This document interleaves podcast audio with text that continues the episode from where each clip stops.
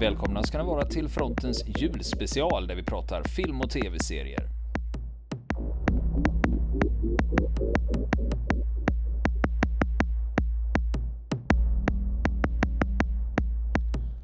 Ja du Niklas, eh, hinner du se några film och krigsfilmer och tv-serier om krig eller?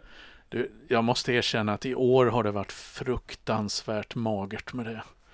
Faktiskt, för jag har, jag har var, grottat ner mig så mycket i ett par bokprojekt som vi håller på med nu, så det har tagit största delen av fritiden vid sidan av jobbet. Så att, um, så att uh, i år är som ett blankt papper för mig. Tyvärr. För mig är det tvärtom. Jag har tvärtom accelererat min krigsfilmskonsumtion. Ja, missbruket har ökat liksom. Är det något du vill prata om? Hej, välkomna till stödgruppen för oss som knarkar krigsfilm. Ja, ja just det. Ja. Och sen applåd, en applåd för det så blir det kaffe efter mötet. Ja, just det. Mm.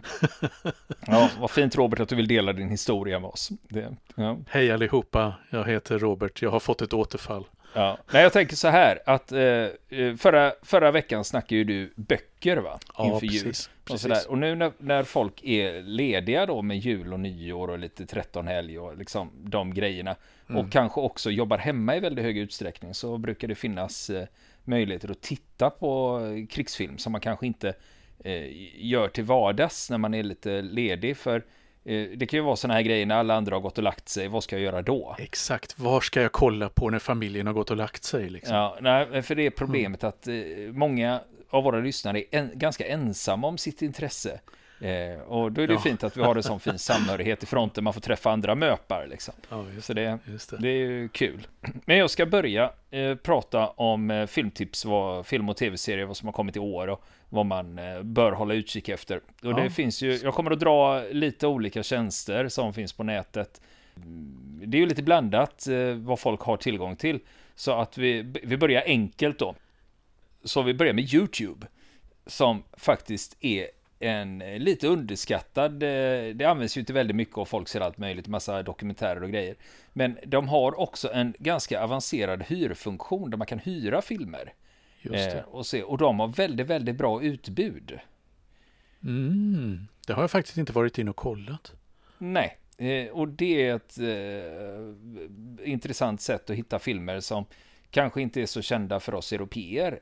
Eh, kan mm. vara asiatisk film och sådana grejer som är roliga. Men jag ska börja med ett eh, tips här och det är en öppen film. Eh, det vill säga att den ligger, du behöver inte hyra den, den ligger öppet som den är liksom. Ja, Men med reservation för det här med att man kanske kränker lite upphovsrätt och sådana saker. Men det här är en fransk film som heter 15 minutes of war. Alltså 15 minuter ja. av krig. Och det här är based upon a true story. Och det är när föregångaren till franska antiterrorstyrkan GIGN heter väl de, GIGN. Ja. Eh, förlagen till dem var i Djibouti 1976 för att lösa ett gisslandrama. Och då är, det, då, är det skolbarn som har tagits till fånga på en buss eh, av någon extremistgrupp där. Och då, ska, eh, då skickas det ner franska operatörer för att lösa den här situationen då. Och den heter just 50 minutes of war för att det är, när de slår till då är det inte meningen att det ska vara segdraget utan det ska gå undan va. Eh, precis som eh, många, jag ska prata om en annan gisslanfilm också. Eh, och det är just det att det ska gå undan va? och det är det som är själva poängen här också. Och den är ju välgjord va. Det är ja. liksom hög klass på det här. Och sen har jag en liten fäbless för fransk film överhuvudtaget va. Framförallt åt actionhållet och sånt. De brukar göra det. Det finns också en annan som, om man gillar gisslangrejer, också en modern Gign-film då som heter Dassault. Alltså eh, attacken eller anfallet. Eh, som handlar om när fransmännen eh, ska lösa en flygkapning. Eh, den, eh, jag har inte kollat upp nyligen vad den finns tillgänglig, men man kan liksom ha det i bakhuvudet. Dassault. D och sån här accent och så assault. Då. Så man kan börja leta efter den. Och sen, det var den franska filmen 15 minutes of war. Den heter väl, ja, på, på franska borde den ju heta då, eh, vad heter 15 på franska? Ja, just det. Ja, väl eh, Minute de Guerre eller något sånt kanske. Jag vet inte, jag har inte kollat upp det. Jag bara gissar. Men sen har jag ett annat lite osidat tips här. Och det är en, en, en, turkisk krigsfilm som heter The Mountain. Jag ger mig inte in på att försöka okay. gissa vad den heter på turkiska. Men grejen är så här att den ligger också öppet då på YouTube så man kan titta på den. Och för oss svenskar så är det lite speciellt för när vi ser, när jag, jag tänker på det när jag ser turkiska krigsfilmer och turkiska tv-serier som handlar om krig. Och ja. det är nämligen så att de har historiskt sett så har de varit beväpnade med Heckler Koch G3, alltså AK4. Och det är väldigt, väldigt trevligt tycker jag när den dyker upp i krigsfilmer. Eh, det är sådana saker som vi kalla krigsälskare mm. kan tycka är kul. The Mountain är en ganska basic story. Man ska leta upp, eh, ja, vad ska man kalla dem, terrorister eller motståndare på något sätt. Och det handlar om ett strid om ett berg helt enkelt. Och lite, det är inte massiva slag här, utan det är ganska få skådespelare som smyger omkring där i terrängen. Men den är, och när folk frågar mig ibland, ja men är den krigsfilmen sevärd? Då brukar jag vända på det. Är det en krigsfilm? Är den sevärd? För att det sen, sen, för det är ju så, det är så du lär dig se skillnad på vad som är bra och dålig krigsfilm. Ja, liksom. ja, det finns ju rätt. När folk frågar, ska jag verkligen se den här? Ska jag se den här? Ska jag verkligen bry mig om det se den? Ja, men se den då, så kan du väl bilda din egen uppfattning. Du ja. kanske gillar det. Ja, det, fast det, ja. det är ju rätt många, finns ju rätt många dåliga. Ja, du, ja de brukar undvika. De, de har inte jag med på listan här Nej. kan jag ju säga, utan jag går i god för de här. Alla filmer jag ja. pratar om här, de har jag sett. Om jag mot förmodan inte har sett dem så säger jag det också. Mm, bra, då håller jag dig personligen ansvarig när jag följer dina råd här. Ja.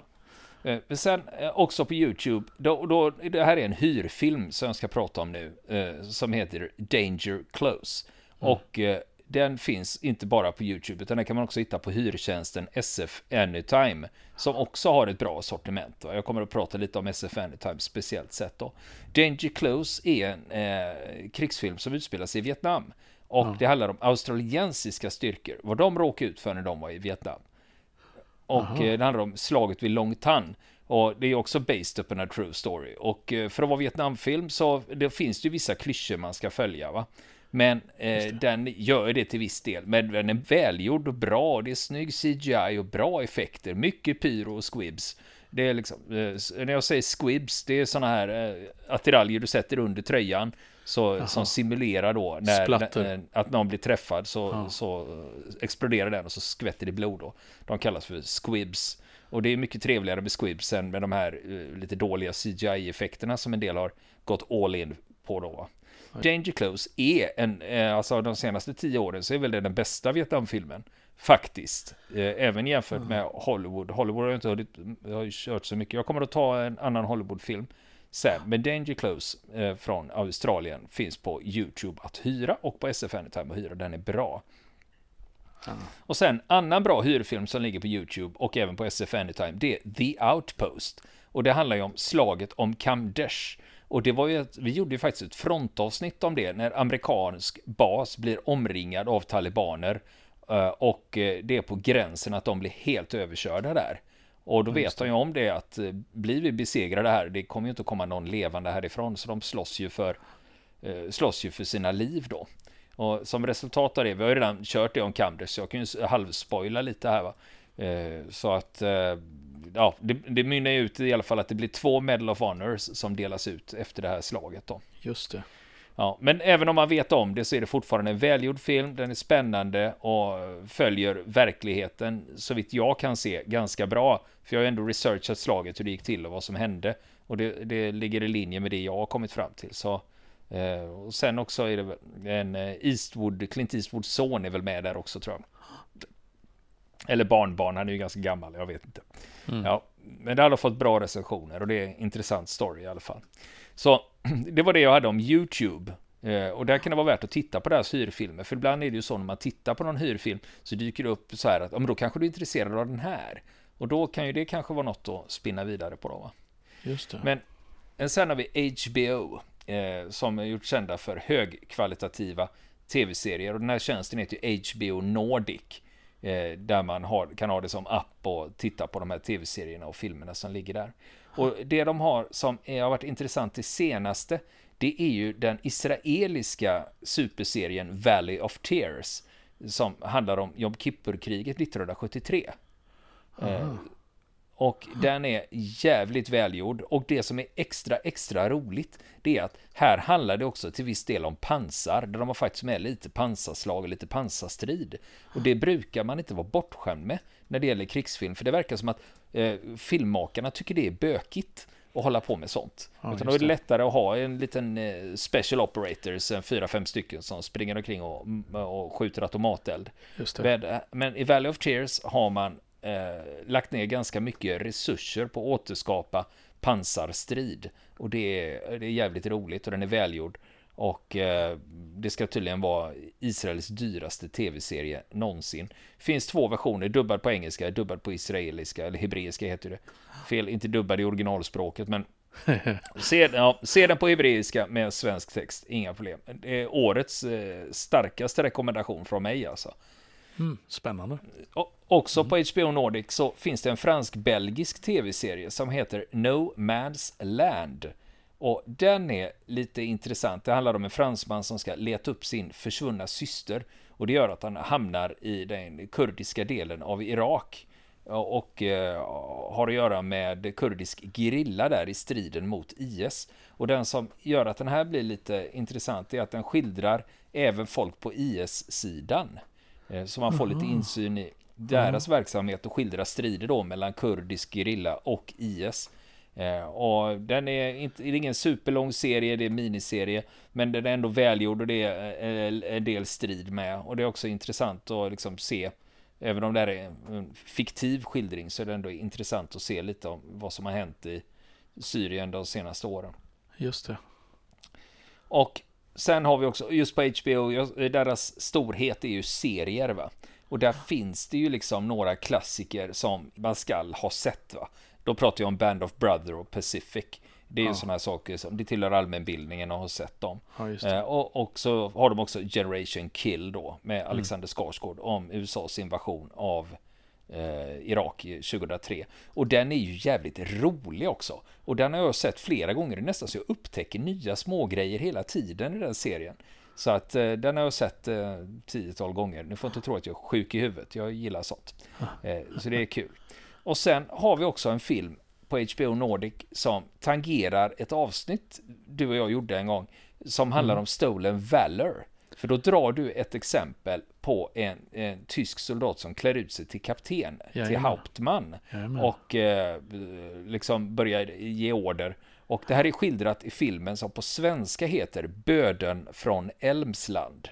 Eh, och det är också lite förvirring, för på engelska heter den The Captain och på tyska heter den Der Hauptmann. Men, ja. men så, så, det var därför jag var lite förvirrad när det gällde vilken film är det här då? Ja men vad fan, det är ju den. Mm. Böden från Elmsland heter den. Och den är svartvit, välgjord och eh, i viss mån obehaglig. Men klart sevärd. De har lyckats få till den här storyn jävligt bra. Och det är trevligt. Spännande. Ja. ja. Och sen har vi också en del eh, av våra lyssnare som har Viaplay som streamingtjänst. Och där vill jag slå ett slag för eh, den amerikanska serien Seal Team. Där man får följa, ett, eh, följa Navy Seals när de är på sina uppdrag. Och lite privatliv och lite hemma och lite politik och eh, lite intriger på basen och sådana saker.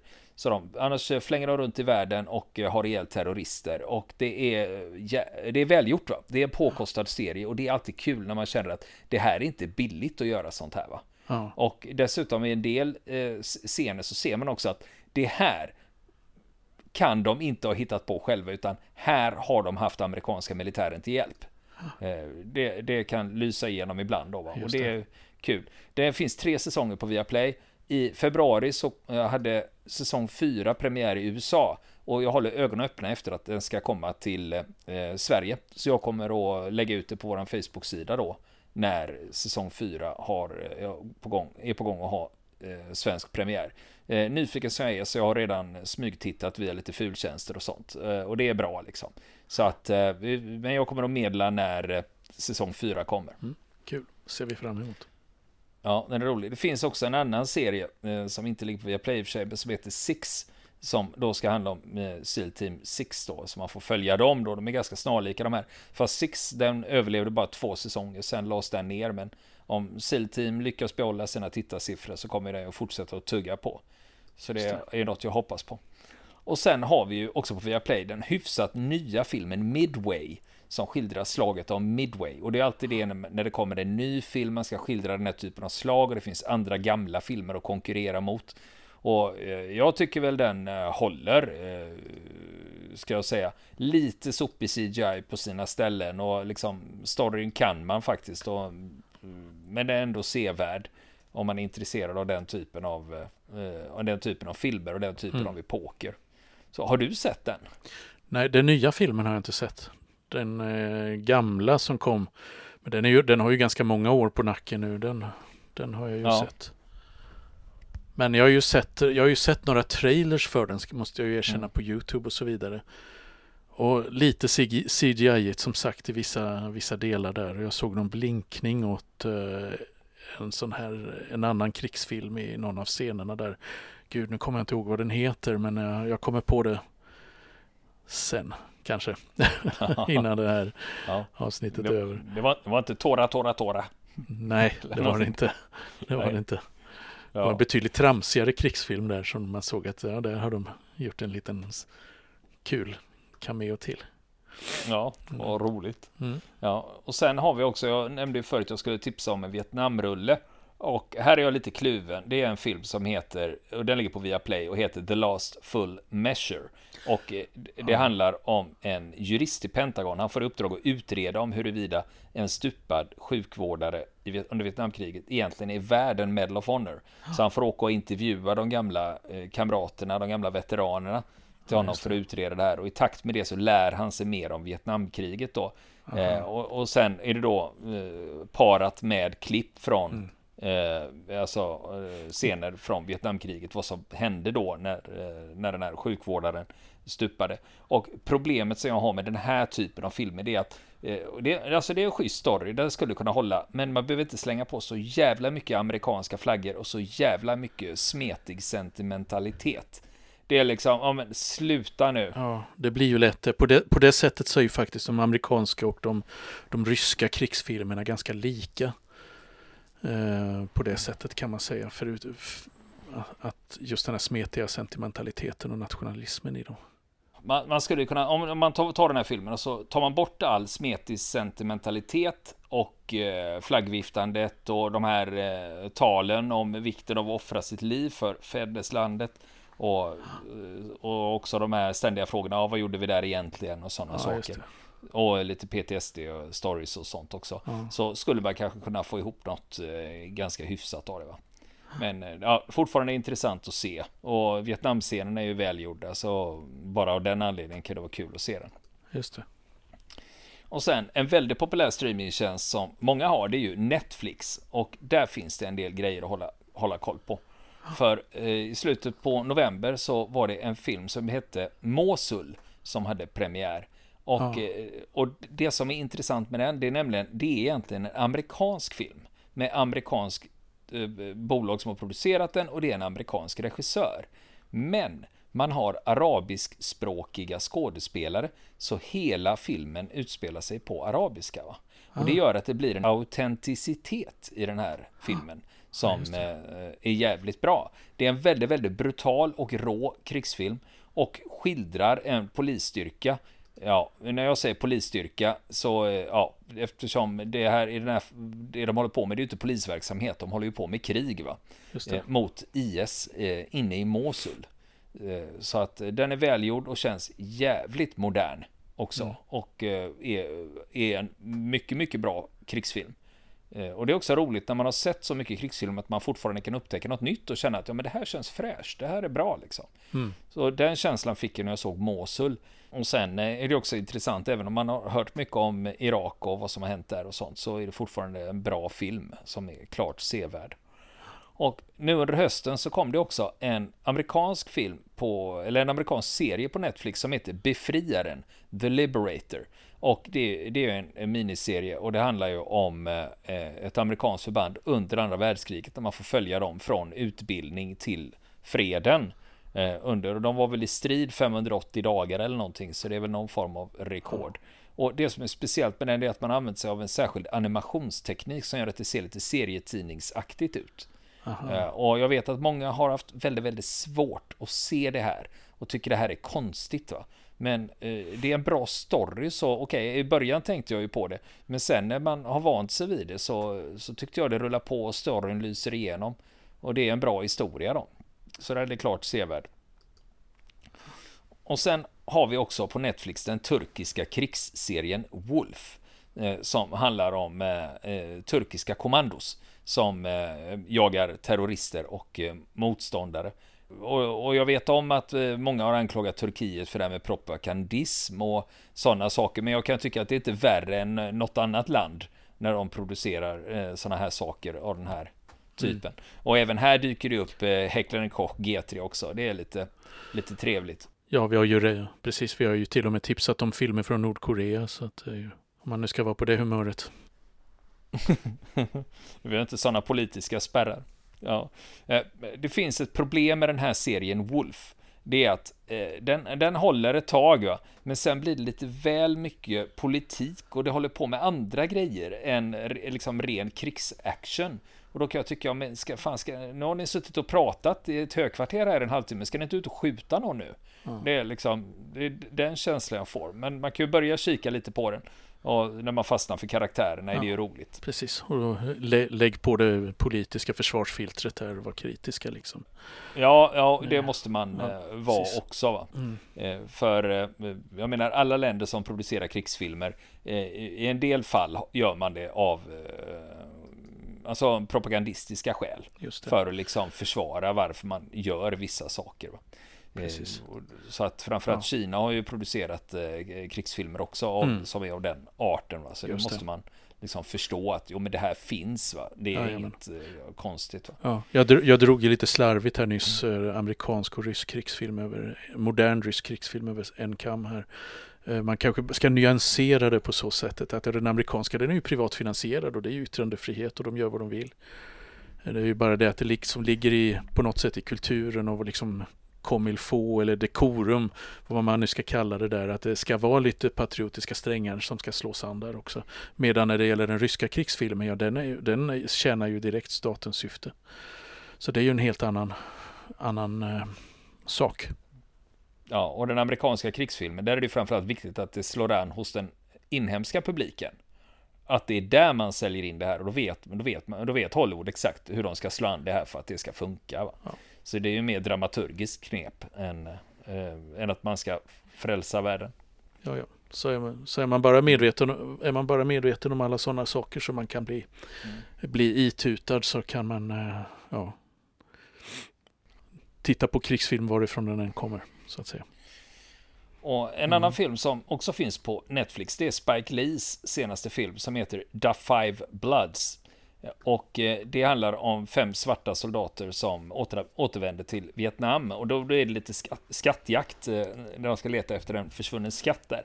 Eh, och då, då, problemet, Spike Lee är ju ganska politisk regissör ja, från Brooklyn och har gjort sig känd genom att göra politiska filmer. Och, det, och, han kan inte låta bli det lite när det gäller Five Bloods också.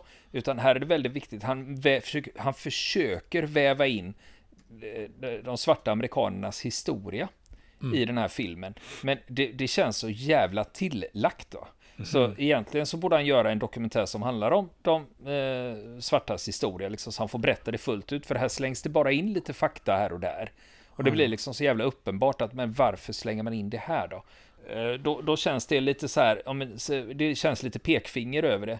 Ja, utan det. istället, så jag tycker att antingen skulle han gjort en Vietnamfilm, eller en skattjägarfilm, eller en eh, politisk film om svartas historia. Här har han knöt ihop tre filmer igen. Ja. Och sen dessutom klör in lite sidospår, lite kärlekshistoria, lite dålig relation, far och son. Och det är liksom lite, ja, det, det blir jävligt mycket som ska in på en och en halv timme va. Och eh, det är tajt. Eh, utan eh, den är lite överarbetad. Det. Kan det vara så att den bra historien försvinner? Ja, när det finns egentligen, ja, man skulle egentligen rensat ur det där manuset lite grann mm. och fått den lite tajtare då. Men, men Vietnamserien är alltid kul att se liksom. Det får man inte glömma. När det, de, man får se dem via flashbacks då. Och det är ju alltid intressant. Sen har vi en annan film på Netflix som kom för några år sedan som heter Six Days. Det är en brittisk film och det handlar om när SES eh, tog sig in på eh, iranska ambassaden 1980. Det var ju ett gisslandrama där. Och det var ju då som SES blev kända för den stora allmänheten. Nu hade ju SES eh, varit och agerat en hel del i Nordirland eh, under den här perioden innan, så det var lite helt okänt. Men det här var första gången de agerade framför tv-kamerorna i, i London när folk faktiskt får se dem eh, ja, fira sig ner för väggarna där och hoppa in genom fönstren och kasta in granater och sånt.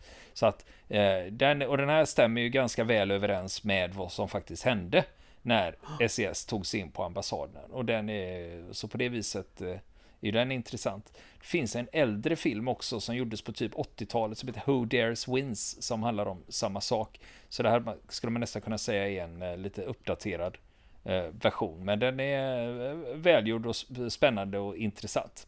Om man gillar specialförband och SES.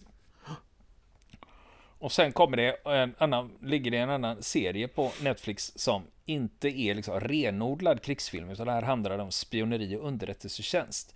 Och den heter The Spy, alltså spionen. Och det som är lite ovanligt med den här, det är att det är komikern Sasha Baron Cohen, mest känd som Borat och Ali G. Det är han som har huvudrollen i en seriös roll. Och det lyckas han faktiskt bra med. Och det här är based upon a true story när israeliska Mossad skall infiltrera Damaskus med en spion. Va? Och gör det dessutom framgångsrikt. Mm. Så det, och det är alltid spännande att se filmer som har, där saker och ting har hänt på riktigt. Och man vet om. Och det var en spionhistoria som hade gått mig helt spårlöst förbi. Så det är intressant att se den. Eh, nu ska vi prata om en annan eh, hyrtjänst här och det är SF Anytime som har ganska välsorterat sortiment när det gäller hyrfilm. Och där finns det några saker som jag tycker är intressanta som ni kanske har missat. Eh, det finns en hyfsat ny Alexander Skarsgård-film som heter Kill Team, som bygger på verkliga händelser. Och det är amerikanska soldater som begår renodlade krigsbrott i Afghanistan och tar mördar civila och tar troféer det var en stor sak i USA. Det blev en stor skandal när, den här, när det här eh, kom till ytan. Va? Här i Sverige så passerade det väl lite obemärkt nästan. Men nu finns det en film som beskriver de här händelserna. Eh, och hur det nystades upp också. Så den kan man se och den finns på SF Anytime. Den heter Kill Team. Sen har vi också en film jag tipsat om tidigare i fronten. Och det är eh, The Ninth Legion, eller nionde legionen, eller nionde kompaniet. Nionde kompaniet. Mm. Ja, det är alltså inte eh, Colin Nutleys 80-talsrulle här, utan det är en rysk film från 2005 som handlar om eh, ryska styrkor i, eller sovjetiska styrkor i Afghanistan. Där de hamnar i en sån här last stand situation. Och eh, jag, när jag såg den, jag hade inte sett så mycket ryska filmer som med, mm, överhuvudtaget på det här temat. Men det här är en väldigt, väldigt välgjord film. Eh, och den kan, för sin tid kan den mäta sig med vad, vad som helst som Hollywood har att komma med. Så pass välgjord är den. Mm. En annan skillnad är att i rysk och europeisk film kan man ju ibland få se lite naket och lite bröst och det får, det får man ju knappast göra i amerikansk film. Men det bjussar de faktiskt lite på här också. Eh, men The Ninth Legion är titeln som den säljs under eh, på SF Anytime och så har den förekommit. Den har lite olika namn beroende på vad man letar. Men den är klart eh, sevärd och välgjord. Och sen vill jag också tipsa om en fransk film som är från 2007 som finns på SF Anytime som heter I fiendens närhet. eller Intimate Enemies heter den på engelska och det handlar om franska styrkor som är i Algeriet under, fri, under det här befrielsekriget som, eh, där de försöker stoppa att Algeriet ska bli en egen nation. En riktigt grisig historia. Ja, mm. det är en grisig historia och det är också det där när det gäller när man slåss mot insurgenter och sånt. Då. Hur det går till och då inser man att ja, det har inte hänt så jävla mycket på 60 år liksom.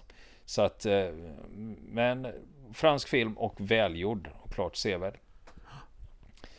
Och sen har vi ju lite Eh, andra ställen att leta på. Eh, Gratissajt, SVT Play till exempel. Där håller jag alltid ett öga öppet för att se vad de har. Och i nuläget så har de den tyska serien Krigets unga hjärtan. Unsere Väter, Unsere Bütter. Va? Ja, just det. Ja. Och eh, det är ju en eh, tysk miniserie som skildrar fyra eller fem ungdomars eh, upplevelser under andra världskriget. Och, och den är ju välgjord. Och den är klart sevärd. Och den ligger kvar. Okänt hur länge den ligger kvar. Men det kan vara värt att kika på den. Om man nu mot förmodan har missat den. Och sen också eh, en film vi har tipsat om tidigare som heter Eye in the Sky med Helen Mirren. Och det handlar ju om drönarkrigföring. Eh, den har vi pratat om förut. Den ligger just nu på SVT Play också. Kan vara intressant att se. Men det finns andra ställen att leta på om man är intresserad av sådana här saker. Och det är så att vi svenskar har tillgång till visst material på Danmarks Radios playtjänst för TV och på, även på norska NRKs playtjänst för TV. Så Aha. allting som ligger där är inte låst för oss svenskar utan vissa saker är upplåsta som vi kan titta på och vissa är låsta. Och eh, Danmarks Radio har en serie som heter Min krig som handlar om danska soldater i Afghanistan. Det är en dokumentärserie. Och på samma sätt så har då eh, eh norska NRK också en egen serie på samma tema som heter Norge i krig, uppdrag Afghanistan. Och den här Min krig, man kanske skulle kunna tro att den har starka drag av eh, Armadillo, den här danska ja. dokumentärfilmen om danska soldater i Afghanistan. Den här är en lite mildare variant kan man säga, den är inte lika hård. Men det är fortfarande intressant att se vardagen och se vad det är för utmaningar de ställs inför. Så de två har vi. Och sen, eh, inte att förringa, det är också eh, även Försvarsmakten, svenska Försvarsmakten, har gjort en egen liten serie som heter Jägarsoldat och som handlar om jägarutbildningen på K3. Utbildningen på K3 har varit i blåsväder efter att SVT avslöjade missförhållanden där för några veckor sedan. Eh, där det var eh, lite övergrepp och det. Över, eh, det var Eh, det var eh, befäl där som eh, gick över gränsen för vad som var acceptabelt utifrån Försvarsmaktens värdegrund och den typen av spörsmål. Men ja, den här, den här serien gjordes ju långt innan de diskussionerna förekom. Och det är intressant att följa dem, för man blir ju lite engagerad i de olika personerna då. Man hoppas ju att, hoppas de klarar det, hoppas de klarar det. Så det finns ju ett spänningsmoment i den här typen av utbildningsfilmer där det kan finnas ett, att folk faller ifrån. Va? Att man, det blir som en dokusåpa, man vet inte vem som klarar sig till slutet. Just det. Så det är intressant att eh, kika på den. Och, eh, det är bara att gå till, söka på Försvarsmakten jägarsoldat så kan man hitta den. Den finns på Youtube. Och den är rolig och sevärd och de av våra lyssnare som har gjort värnplikt, alltså majoriteten, de kanske kan få lite svåra flashbacks också. Kan man väl hoppas. Och sen, det var ju så att säga det här med streamingtjänster och tv och film och sådana grejer i all ära. Men det finns en podd som ligger på topplistorna just nu i Sverige som heter Svenskar i strid. Och eh, det är en dokumentärmakare som har gjort en podd där han har intervjuat svenska Kongo-veteraner. Och det är intressant. Eh, det är, eh, är välgjort och veteranerna får ta god tid på sig att berätta sin historia. Och det är alltid intressant. Även om jag har läst mycket om Kongo, sett mycket dokumentärer av det, så finns det fortfarande mycket att lära sig om den här eh, konflikten och vad svenskarna faktiskt hade för sig där nere. Och inte minst vad som, hur det gick för dem när de kom hem sen. Hur såg folk på Kongo-veteranerna när de, när de kom mm. hem då? Ja, det är intressant. Ja. Och det var vad fronten hade att bjuda på när det gällde film och tv-tips nu under julhelgerna. Ja, men det låter som man ska kunna fylla nätterna in på småtimmarna ganska väl här framöver i, i mellandagarna och julhelgen. Ja, men det beror ju lite på vilka streamingtjänster man har tillgång till och sådana saker. Ja, men eh, de, de här grejerna är intressanta att titta på om ja. man har tid. Så god jul på er! Ja, god jul! Och god fortsättning! Vill ni komma i kontakt med oss så kan ni göra det via vår Facebook-sida som heter Fronten. Det är inga problem för er att leta er fram där. Eller också så mejlar ni på vår mejladress och det är frontenpodcast@gmail.com.